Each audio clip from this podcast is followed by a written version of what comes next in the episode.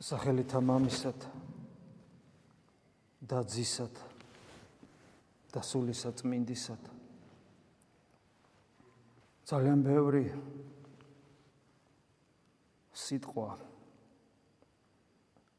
ღირებულების მატარებელი. სახე შეცვლილი და არ შეცვლილია ჩვენს რეალობაში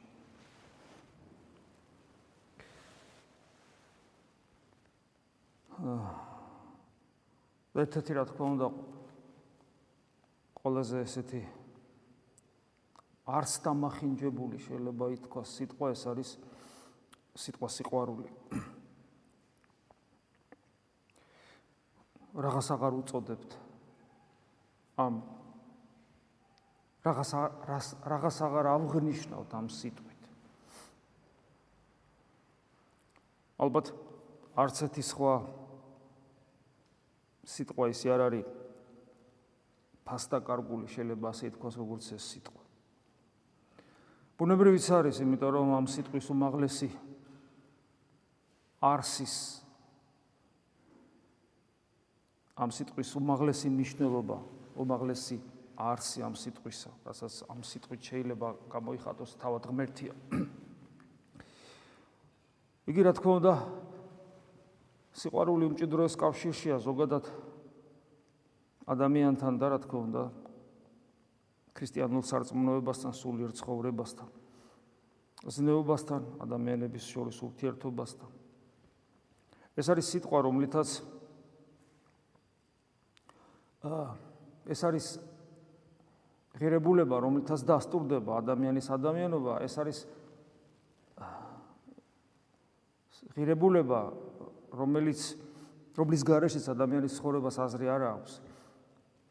აა მაგრამ ამავე დროს ეს სიტყვა გამოიყენება საზომად ყოველივე მოვლენისა და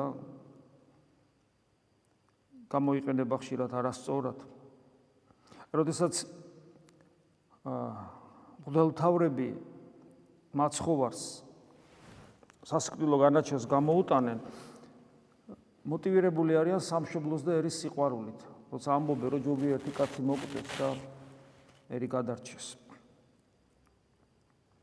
ანუ სიყვარულის სახელით, სამშობლოს და ერის სიყვარულის სახელით თავად სიყვარული, განკაცებული სიყვარული მოიკლა. დღევანდელი 60 ქულო ეს არის პირველი კორინთელთა მე-13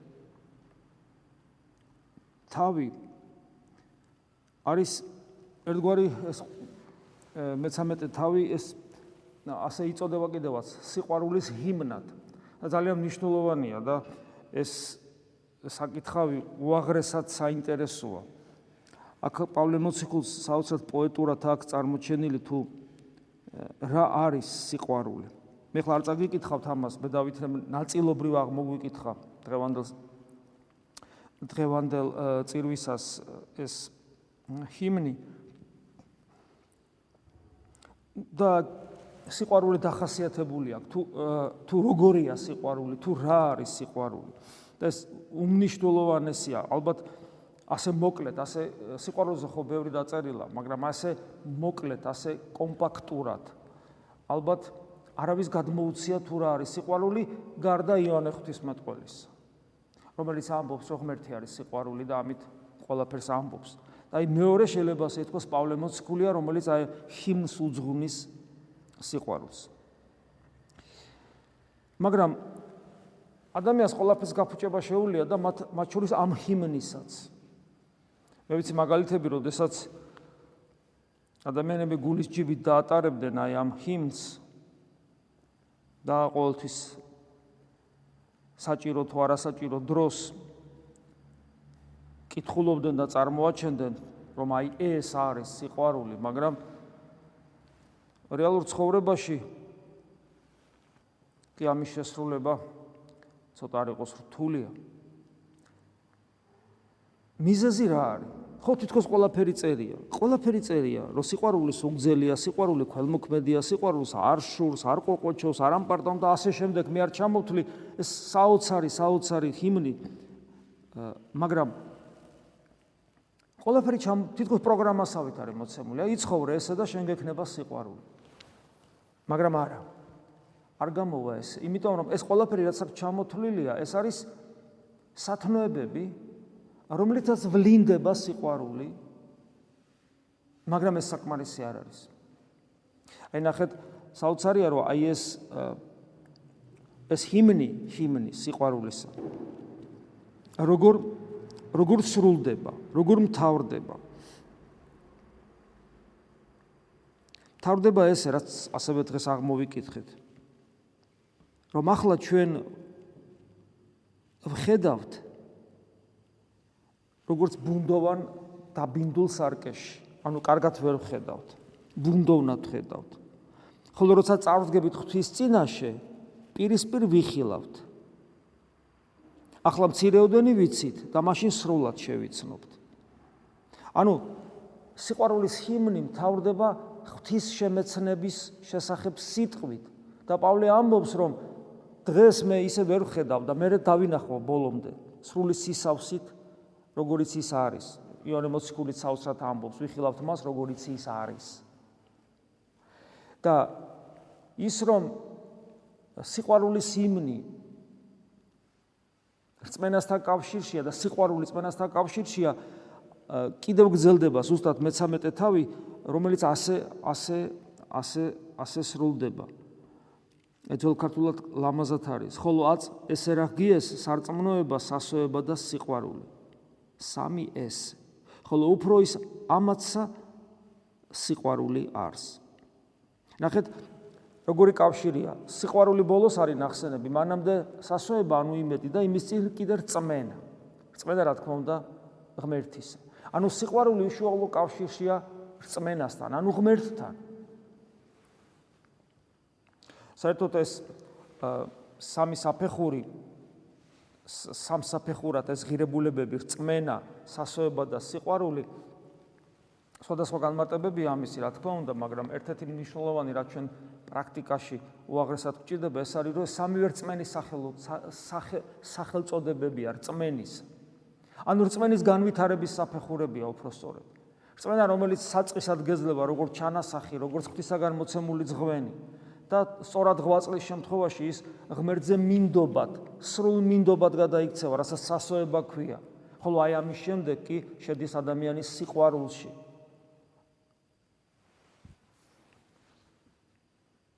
რომლის სრული და დიადის სისავსე ეს არის თავად განკაცებული ღმერთი იესო ქრისტე. და ჩვენ და ჩვენი სარწმუნოებრივი სულიერი ცხოვრების განვითარება აა უნდა მისწრაფოს იქითკენ რომ ჩვენ გვიყვარდეს, გვიყვარდეს იესო ქრისტე. ადამიანს აქვს მონიჭებული სიყვარულის უნარი და ეს სიყვარულის უნარი უმთავრესი ნიჭია, რომელიც ადამიანს აქვს რწმენის ნიჭთან ერთად. და მოცემული გვაქვს იმიტომ რომ სწორედ ქრისტეს შეყვარება შევძლოთ. ჩვენი გული რომ ისიც ზგერდეს, ისიც ხარობდეს. და ეს რწმენის განვითარების ეს საფეხურები, რწმენა, სასოება და სიყვარული, სადაც ჩანს რომ სიყვარული სწორედ სარწმუნოებას უკავშირდება, სიყვარული სწორედ ქრისტიანულ რწმენას უკავშირდება, ქრისტიანულ რწმენაზე საუბრობს, სიყვარული სახარებას უკავშირდება. ამიტომ ჩვენ ვერ ვიტყვით მაგალითად რომ იცი მთავარია სიყვარული აბსტრაქტულად. მთავარია სახარება რომელიც არის სიყვარული. მთავარია იესო ქრისტე რომელიც არის სიყვარული. იმიტომ რომ თუ არ გვექნება ეს ორიენტირი ანუ თუ არ გვექნება ორიენტირი სახარება ანუ იგივე თუ არ გვექნება ორიენტირად იესო ქრისტე სათნოებები რომელიც ჩამოთვლილია ამ სიყვარულის ჰიმნში არაფერს მომცემი არ იქნება აბსოლუტურად არაფერს მომცემი არ იქნება. ვერ ვერ გავიკვალავთ გზას და ყველა ამ სათნოებებს რაც ჩამოთვლილია მე-13 თავში პირველი კორინთელთა მიმართ ეპისტოლესი ყველა სათავისოდ მოვირგებთ. ყველას, ყველაფერს, ყველა სიტყვას სათავისოდ მოვირგებთ. ყველა სიტყვას, ყველა სიტყვას. რომ სულგრძელებას, ქველმოქმედებას, რომ არ გშურდეს, არ ყოყოჩობდეთ, არ ამპარტავნამდეთ, არ უხეშობდეთ, თავისას არ ვეძებდეთ, არ მრისხანებდეთ, ბოროტს არ განვიზრახავდეთ, სიცრუით არ ხარობდეთ, ჭეშმარიტებით ხარობდეთ, ყველაფერს ვიტანდეთ, ყველაფერი გჯეროდეს, ანუ ეჭები არ გქონდეს და ასე შემდეგ, სულ სათავისოდ მოვირგებთ ყველა სიტყვას. ისა როგორც ყველა ზღირებულება მათ შორის ცოცხალი ღმერთისადმი რწმენა სათავისოდ მოირგეს ფარისევლებმა და სადუკეულებმა და თავად ღმერთი სასიკვდილოდ გაიმეტეს. ხოლო რწმენის რწმენის ამ საფეხურებზე აღსვლა და განვითარება შეუძლებელია ლოცვითი ღვაწლის გარეშე. საერთოდ ღვთისადმი სიყვარული ყველაზე მეტად ლოცვაში ვლინდება. როდესაც ადამიანი ამბობს სიტყვას იესო ქრისტე და მისი გული რბილდება, ჩბილდება. იმიტომ რომ მას მისთვის იესო ქრისტე არ არის ცარიელი სიტყვები მორწმუნესათვის. ისე როგორც მგონი ადრეს გითხარით, შეყვარებული ადამიანისათვის რომ შეყვარებული სახელის ხსენება არ არის ჩაულებრივი სიტყვა. მან შეიძლება უამრავი სიტყვა თქვას, მაგრამ აი თავის შეყვარებული სიტყვას თავის შეყვარებული სახელს რო ახსენებს, მისი გულის სხვა მდგომარეობაში მოდის, მის გულს უხარია ამ სახელის ხსენება. მეცაც მეცაც ვიტყვით მას სურს რომ თავის საყვარელი ადამიანის სახელს მუდმივად ახსენებდეს. ესეთია სიყვარულის ბუნება. და ის სახელი ამ დროს ატარებს იმ არს რომელსაც ეს სახელი ეკუთვნის და იმ ენერგიას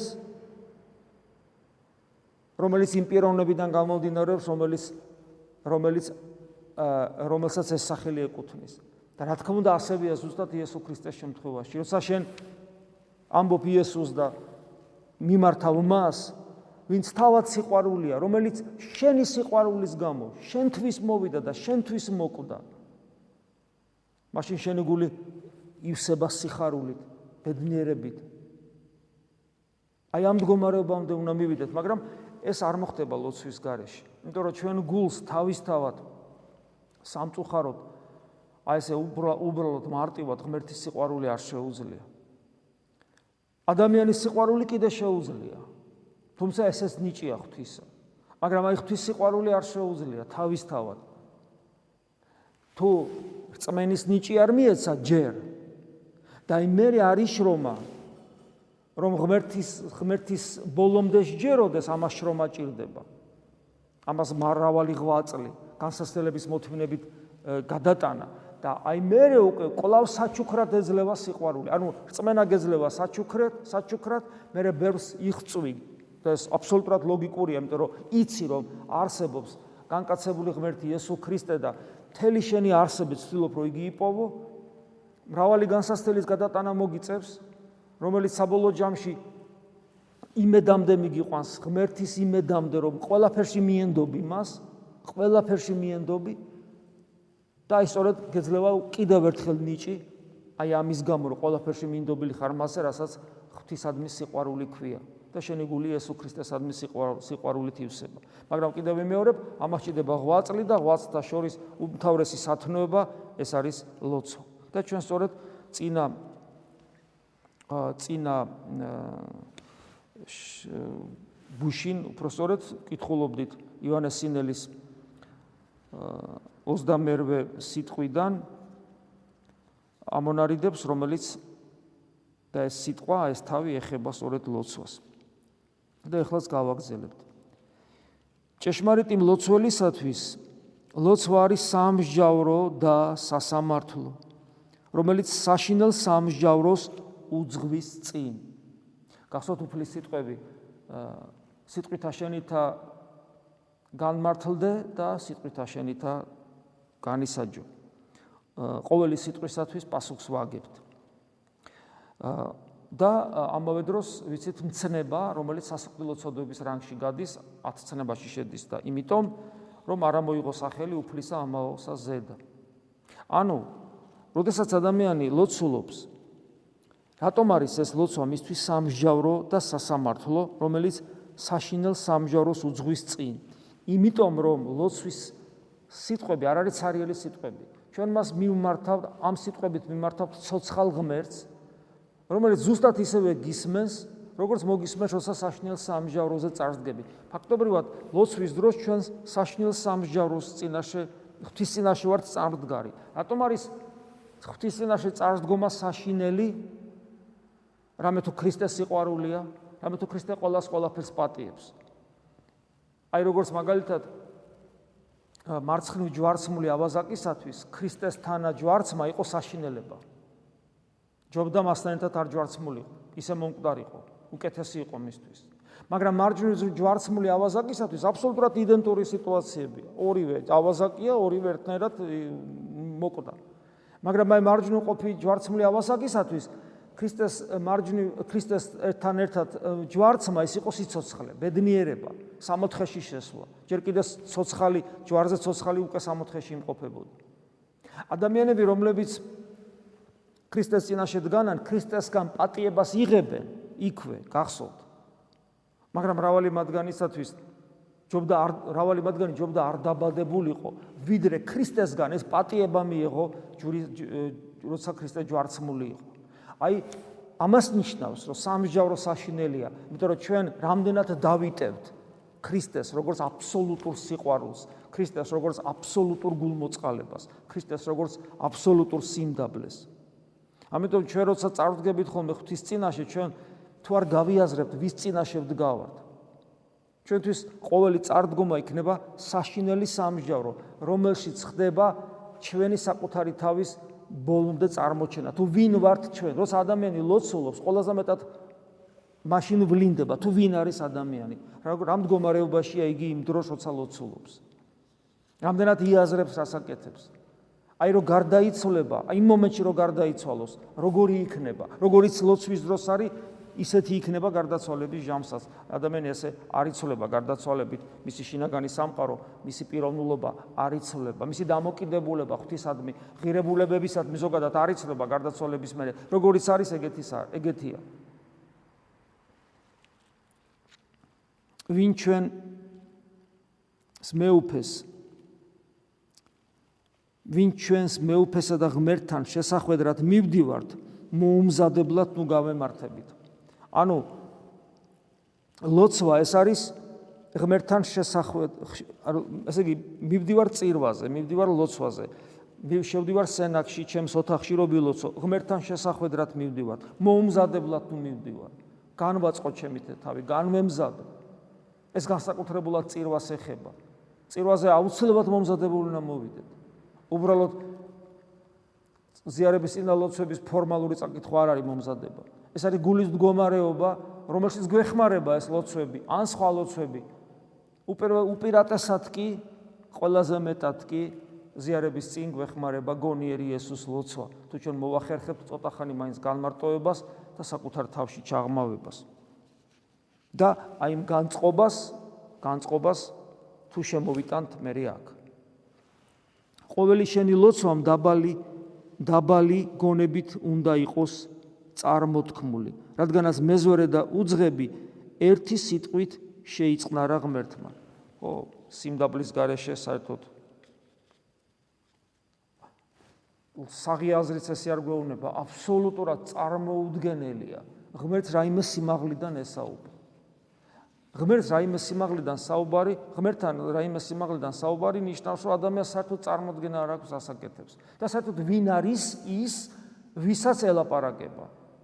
ვინ არის ის, ვისაც ელაპარაკე?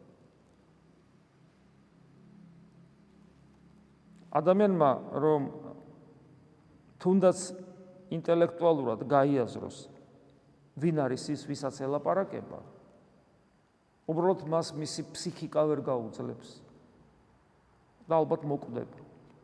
და ჩვენ კიდე გულარხეინად ამიტომაც ამბობს სიმონ ახალი ღვთისმეტყველი, რომ იმას დიდი ცოდვა არ არის თუ არა ის რომ ადამიანი გონება არეული გულგრილად ლოცულობს და არც ცდილობს რომ ყოველი სიტყვა გულიდან ამოიყვანოს. ასე ამბობს პირდაპირ. ამაზე დიდი ცოდვა არ არსებობს. არის ცოდვა ეხლა სიმონ ახალმოხტის მოწყოლო რომ კაცის გულაც არსებობს, ბრუშობაც არსებობს და ათასი უბედურება არსებობს. მაგრამ არა, ის ამბობს, ამაზე დიდი ცოდვა არ არსებობს. და საუბრობს ვიზე? წარმართებზე ხო არა, ქრისტიანებზე საუბრობს სიმონ ახალი ღვთისმეტყველი. ყველაზე უწინარეს ჩვენი ვედრების სიაში ან როცა ღმერთს ვესაუბრებით რაღაც რაღაც სათხოვარები გვაქვს ხო? ანუ ლოცვა შეიძლება იყოს მრავალი თემის ირგვლივ ტრიალებდეს ჩვენი სავედრებელი ლოცვის დროს. ჩვენი ვედრების სიაში მადლობა, ყველაზე უწინარესად მადლობა უნდა ჩავწეროთ, მადლიერება, ევქარისტია, რასაც ქვია, მადლიერება. მადლიერება. მადლიერება ეს არის ქრისტიანის თვის ქრისტიანისათვის ბუნებრივი მდგომარეობა. ადამიანი ყველაფრით მადლიერი უნდა იყოს და შეუძლებელია ლოცვის დროს დადგე და იყო მადლიერი. შეიძლება შეუძლებელია აქ მოხვიდე და ევქარისტიული მსახურების თანამონაწილე და მონაწილე და თანაახსრულებელი გახდე, ანუ მადლიერების სახურების, თუ შენ ცხოვრებაში არ სწავლობ იყო ყოველთვის მადლიერი. არ შეიძლება რომ ესე იგი ღამე ხაწივაზე მოხვიდე ან დილასწირვაზე მოხვიდე და საღამოს უმადური იყო, ანუ სულ მადლიერი თუ არ ხარ. უბრალოდ ევქარისტიის დროს და ლოცვის დროს მადლიერი ვერ იქნები. ჩვენ უნდა ვისწავლოთ ვიყოთ სულ მადლიერი. თორე გამოვართ მაშინ მატყუარები უბრალოდ. მეორედ ცოდვათა ახსარება. ახსარება და შემოსრულება სულისა. ახსარება და შემოსრულება სულისა. ანუ ესე იგი ეს ნიშნავს, რომ საკუთარ ცოდვილობას უნდა გძნობდე თავისთავად ცხადი. და თუ არა გვაქვს ეს, მაშინ ჩვენი ლოცვაც უბრალოდ არაფრის მომცემი არ იქნება. და მადლიერება იქიდან გამომდინარეც არის, რომ ადამიანი ხედავს თავის უღირსებას, რა არის ეს უღირსება? ადამიანის მემკვიდრეობა. არ არის აუცილებელი ქვებს ისროდე, ადამიანის მემკვიდრეობა. ის რაც ადამიანს დაემართა, რა დაემართა? მას ღმერთთან ყოფნა არ შეუძლია, ამას უნდა ხედავდე. მაგრამ წინ მაინც მადლიერება უსწრებს. როდესაც ლოცვის რომელიმე სიტყვა ლმობიერებას აღზრავს შენში, მასზე შეჩერდი და მრავალჯერ გაიმეორე, რადგან ჩვენი მცველი ანგელოზი ჩვენ სიახლოვეს ლოცულობს. შეიძლება ეს სიტყვები ნიშნავს იმას, რომ როცა შენ მართლა ლოცულობ, შენი ფარველი ანგელოზი გეხმარება. მაგრამ აი აქ თვითონ ძალიან საინტერესოა ლოცვის დროს აი ეს ეს ფაქტი, რომ ამაზე ბევრი გვისაუბრება, უბრალოდ იოანეს სინელი რომ ამბობს, უფრო ავტორიტეტულია მის სიტყვა, ხო თავისთავად ცხადია. რაღა თქვა ადამიანი რაღაც სიტყვებს ამბობს, ტექსტს კითხულობს და უცებ რაღაც სიტყვამ მაშინ მობიერება აღძრა, გაჩერდი, გაიმეორე, გაიმეორე, გაიმეორე. ან შეჩერდი იმ სიტყვაზე, ის სიტყვა გულში გააჩერე, სანამ ეს ეს იარსებებს შენში. ანუ ანგელოზი გეხმარება ამ დროს გეუბნება. გახსოვთ რომ ვამბობთ ლოცვა ტექსტის თავიდან ბოლომდე წაკითხა რომ არ არის. და ხშირად ვამბობთ ადამიანს უსასრულო ბევრი დრო ხო არ აქვს, ამიტომ ტაიმერი დააყენე. იღებ ტექსტს, ხო თქვა, გაქვს 15 წუთი, გაქვს ნახევარი საათი, გაქვს 1 საათი, გაქვს 5 წუთი. და აი ტაიმერი დააყენე. სამდენიც გააქვს და ეცადე რომ იმპერი ან ერთზიარების წინ კიდე 1 საათი ილოცო. ტაიმერი დააყენე და ეცადე რომ თითოეული სიტყვაზე იფიქრო და განიცადო თითოეული სიტყვა გულიდან ამბოუშვა, შენათ აქციო, გაითავისო. და თუ რომელიმე სიტყვა შენ გულს შეეხება, არიჩქარო, მოსასწრები არ აქონდეს წასაკითხად კიდე რაღაც სხვა რამე. არამედ ის სიტყვა ყველაფერია უკვე შენთვის. და რა თქმა უნდა, ასეთად უნდა იქცეს ჩვენთვის იესოს სახელი. იესოს სახელის ხსენებაზე ცრემლი უნდა მოგვდიოდეს. ლოცვის დასაწყისში საჭიროა ამაუზრახვები მოსულისთანავე უკუაგდო. და როიწებ ბუნებრივია ადამიანი რო იწყებს ლოცვას ამას სოფლის სულიდან გამოდის და ღმერთის წინაშე წარდგება. ამას სოფლის სულიდან გამოდის გადაწყვეტილება კი მიიღო მაგრამ ამას სოფლის სულის შესაბამისი ზრახვები მას ესე იოლად არტოვებს ამიტომ თავის თავიდანვე განწყობის შექმნისათვის გარკვეული ბრძოლა და კონცენტრაცია არის საჭირო. და უნდა ვეცადოთ რომ უკუვაგდოთ. ჩვენ ხო ვიცით რომ აზრი უნდა გამოვკეტოთ ლოცვის სიტყვებში ხოლო ყურადღება უნდა გამოვკეტოთ გულის ზედა ნაწილში. ამიტომ უნდა ვეცადოთ რომ ეს აზრები განვაგდოთ. შუა ლოცვაში, ანუ ლოცა უკვე ლოცვის პერიოდში უკვე საჭიროა გონების სიტყვებში მოქცევა, რაც გითხარით. ესე იგი ამასოფლის აზრები, ამავაზრახვები უნდა ყურადღება არ მიაქციო, მოიცილო. ესე იგი გონება ლოცვის სიტყვებში მოაქციო, ხოლო ლოცვის სისრულე უფლის მიმართ ახტაცება, თუმცა ეს ლოცვის უფლის მიმართ ახტაცება უკვე ეს ღვთისაგან მოცემული ძღვენი იქნება თუ შენ იმ პირველ ორს შეასრულებ. და კიდევ ერთ მუხს აღმოგიკითხავთ და დღეს ამით დავასრულებთ. თუ კი საკუთარი საკუთარი საკუთარ გონებას მუდამ წვნი რომ შენთან იყოს. რას ნიშნავს გონებას წვნი რომ შენთან იყოს? გონება არა როგორც არა როგორც ინტელექტუალური, ლოგიკური უნარი ადამიანისა, ლოგიკური აზროვნების უნარი, ამეთ გონება, რომელიც ღვთის შემეცნების ორგანოა, მუდამ შენთან იყოს. ანუ თუ საკუთარ გონებას წფნი რომ მუდამ შენთან იყოს, ანუ შენ შიგნით იყოს, არ დარბოდეს აქეთ-იქით, ტრაპეზის დროსაც კი არ განგეშორება. ანუ ტრაპეზის დროსაც კი შენ ლოცვის ლოცვის მდგომარეობაში იქნება. ანუ წმინდა წყლის ფიზიოლოგიურ საქმიანობას რო აღასრულებ, ანუ ჭამ, მაშინაც ლოცვით მდგომარეობაში იქნები. ხოლო თუ აქეთ-იქით ხეტიალს დააჩვევ, არასოდეს მოვა შენთან. ანუ ის მიდრეკილია, რომ გარეთ იაროს. იმიტომ რომ ესეც გენეტიკური მემკვიდრეობა ადამიანისა. ამიტომ ძალიან დიდი შრომა გვჭირდება, რომ გონება გულში დავაბრუნოთ. ხოლო ეს ისიქასტური პრაქტიკის გარეშე არის სწავლება, არ მიიღწევა. არანაირად სხვანაირად ეს არაფით არ გამოვა. თუ გარკვეულ დროს არ გამოყოფ 24 საათში, ყოველ 24 საათში ერთხელ და იქაც ტაიმერით დისციპლინას არ გამოიმუშებ, რომელიც გარკვეულ დროს როცა გარკვეულ დროს უთმობ სწორედ ისიქასურ პრაქტიკას, მე ამ დროს ნელ-ნელა ზდი და ესე იგი ცდილობ, რომ სანამ ტაიმერი არ დარეკავს, მაქსიმალურად ეცადო რომ ყურადღებით იყო საკუთარ გულის გულში და კიდევ უფრო სიღრმეში როგორც გრიგო პალამა ამბობს, ოღონდ რა თქმა უნდა, არა უბრალოდ კონცენტრირებით, არამედ იესო ქრისტესთან ერთად. მხოლოდ ამით ისწავლება გონების საკუთარ თავში მყოფობა და გრიგო პალამა პირდაპირ ამბობს, რომ ლოცვის დროს არ გახვიდეთ საკუთარი სხეულიდან ესე ამბობს.